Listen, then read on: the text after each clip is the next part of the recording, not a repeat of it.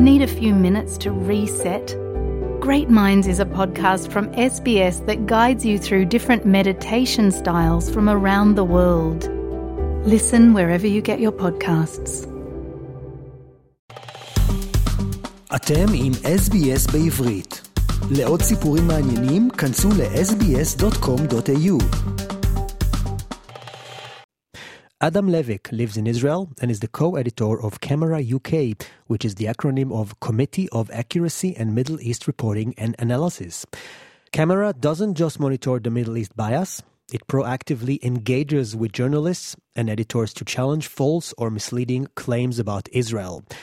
Adam tells us how Camera monitors various media and what it does on finding out that their reports in regards to the Jewish state are neither accurate nor balanced. Adam invites the listeners to get in touch with Camera and help fight the appealing media bias against Israel. Shalom, Adam, and thank you so much for joining us today. Hi. In a few words, could you tell us about yourself? All right. Well, I mean, I grew up as a secular Jew in Philadelphia, and um, and um, I uh, only really became, uh, I guess, you know, deeply involved in Zionism during around the time of the Second Intifada, and I kind of had a Zionist awakening of sorts. Mm-hmm. And you know, as a, as a result of just the ferocious terrorist attacks um, in the early 2000s, as well as the uptick in anti-Semitism, as well as the media coverage, which was incredibly cruel to um, Israelis and to Jews, and um, that aha moment kind of led to two things. It led to me becoming a researcher with the Anti-Defamation League, a U.S.-based civil rights group that advocates on behalf of Jews, and uh, it also prompted me to, you know, at age 41, um, make Aliyah um, by myself without really knowing anybody in Israel, just because I felt so strongly about Israel and I felt so strongly about Zionism. And um, to make a long story short, I, I ended up meeting a woman who would become my wife. And um, she was religious, so I went from becoming a secular Jewish Israeli to becoming a uh, religious Jewish Israeli. And where do you live now in Israel? in Modin, which is in the center of the country between Jerusalem and Tel Aviv. Mm. So, relatively, I could say you are safe because you're kind of located in the middle of the country. Yeah, yeah. I mean, we have less. You know, we're we're not in danger of rocket fire from the north, at least. You know, unless Hezbollah really engages in the war. But we're safe from that, and we're also.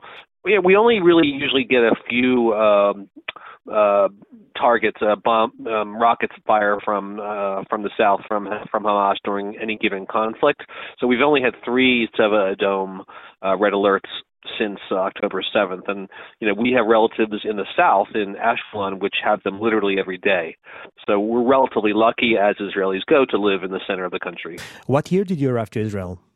Uh, I made Aliyah in 2009. Almost like a full Israeli by now. Yeah, no, I feel Israeli now. Yeah. How about your uh, Hebrew? Oh, Lotov. Originally Lotov. Okay. Zechaval. It's okay.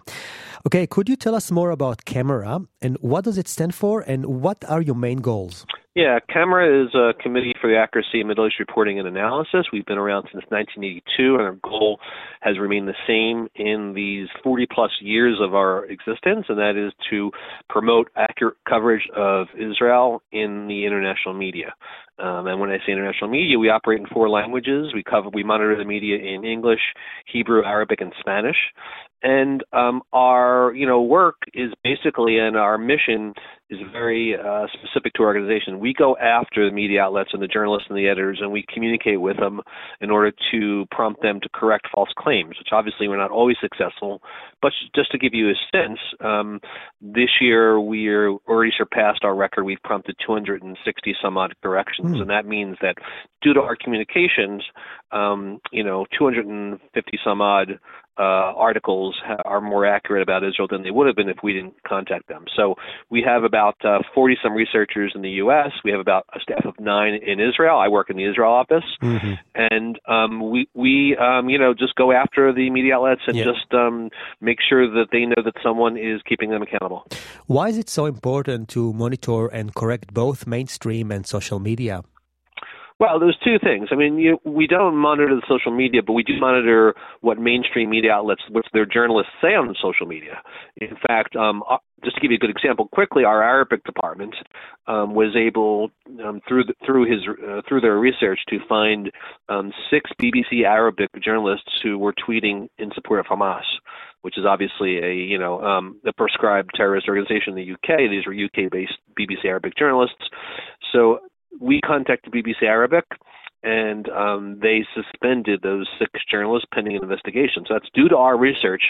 Six BBC Arabic researchers who, Arabic journalists who supported Hamas on social media, were suspended. So, so that so we do monitor the social media insofar as you know mainstream journalists are on there. Mm, okay.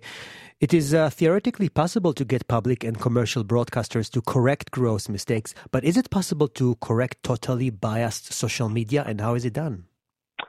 Uh, look, I mean that's harder, but I mean when you say bias social media, we again we have um, we have through our um, work um, prompted journalists and mainstream outlets um, to delete tweets that are inflammatory, incendiary, or just plain inaccurate. So it, again, it depends. We don't really go after social media unless it's you know attached to an account of a prominent journalist. So we have in the past gotten uh, journalists to delete either inaccurate or more often than not incendiary or, and or anti-Semitic uh, commentaries, particularly particularly on Twitter. That's really where we spend most of our time because uh, you know it's public. You can see what everyone's saying on Twitter. Mm. Which media you mentioned to me you're following again? We follow the Spanish media, the Hebrew media, the Arabic media, and the English media. And we do work with somebody in France, so we do have a we do keep an eye on um, the French media to some extent. Okay, I understand that uh, accurate and balanced coverage of Israel is a key goal for Camera.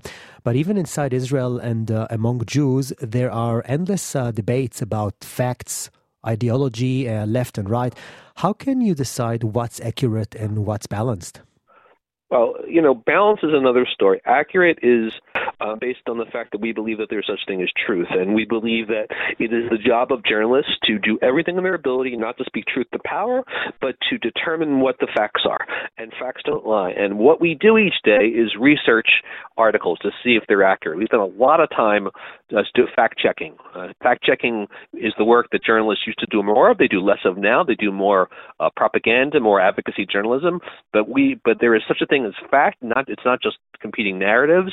And um, we, you know, this is this is part of our mission, and this is, I think, a important job when it comes to, um, you know, protecting liberal democracies. Because um, only in a democracy, know, democracies can only thrive if there's um, information that's being conveyed that's accurate, and that um, you know we believe through our work um, there's much more accurate information about the world. There are there are definitely um, you know ideologies at play, right? I mean um, that that that um, unfortunately we're seeing since since the October seventh massacre um, you know, which of course, as you know, was the worst anti-Semitic atrocity since the Holocaust. We're seeing the impact of a lot of bad ideas um, on college campuses and, and, within academia, in which, for some strange reason, uh, many groups who define themselves as progressive have actually, in effect, um, acted to defend Hamas's actions. So, you know, it, we're in a broader water, war of ideas. Um, and I think you see that happening in real time um, at universities all over the world. But we, we, we basically try to deal just in the realm of facts, um, you know, rather than um, get into these larger ideological debates. So yeah. take so, a, we don't we don't take positions on political mm-hmm. issues. Could you give some examples, like concrete examples of shameless uh, inaccuracies and biased coverage of Israel?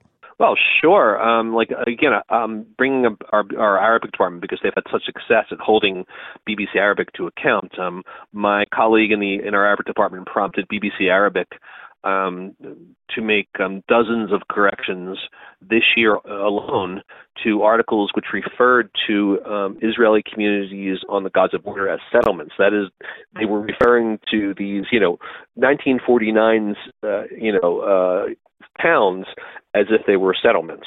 Um, so you know, and we corrected that dozens of times. Um, BB, you know, has such a huge influence. That's a very important correction. Um, and um, another, another, just to give you an example, like going back a number of years, but this is something that we really were successful at getting rid of this lie. For a while, media media outlets in the UK um, were referring to what they called um, Jews only roads in the West Bank, which I'm sure you know just it, it doesn't exist. They never have existed. There never have been Jews only roads. And the reason why that lie was important is because that gave fuel to the lie that Israel is an apartheid state. So after a lot of pressure from Camera, um, these media outlets that used to occasionally make that claim either in articles or in op-eds stopped making that claim. So that's a really, I think that's a good example of how our of our impact. Mm-hmm. Can uh, anyone volunteer, and how is it done? we we have thousands of um, members, right? And uh, you know, if, if you go onto our website camera.org, you could see uh, how to become a member. Um, and our members, um, what we do is we empower them with um, ways in which they could fight back against media bias. Um, writing e- emails to uh, to journalists and editors, um, trying to get corrections on their own. So, if you go on our website, camera.org, um, you'll see how you can become a member of Camera and how uh, you know you can be uh, a partner with us to hold the media, media accountable to truth and accuracy in the reporting about the Middle East. Very interesting. Thank you so much for the uh, information, Adam. Uh, I hope people can understand that our work is a sacred mission. And given what happened to Israel on October 7th and what's happening to Jews around the world, it's important that we all work together and that we fight back against the scourge of anti Semitism and anti Zionism. And just, um, you know, please be in touch um, with us if you want to directly work with us. But either way, you know, Am Yisrael Chai. Right, and just to finish off, you just mentioned anti-Semitism is on the rise. Uh, can we uh, talk about uh, figures? What do we see recently that is happening both in the UK and around the world? In the UK, which I focus on, there's been like a 600% rise in anti-Semitism in the period um, from beginning October 7th to the end of October. That's the and so the number of anti-Semitic incidents over that three-week period surpassed that any other year since 1984.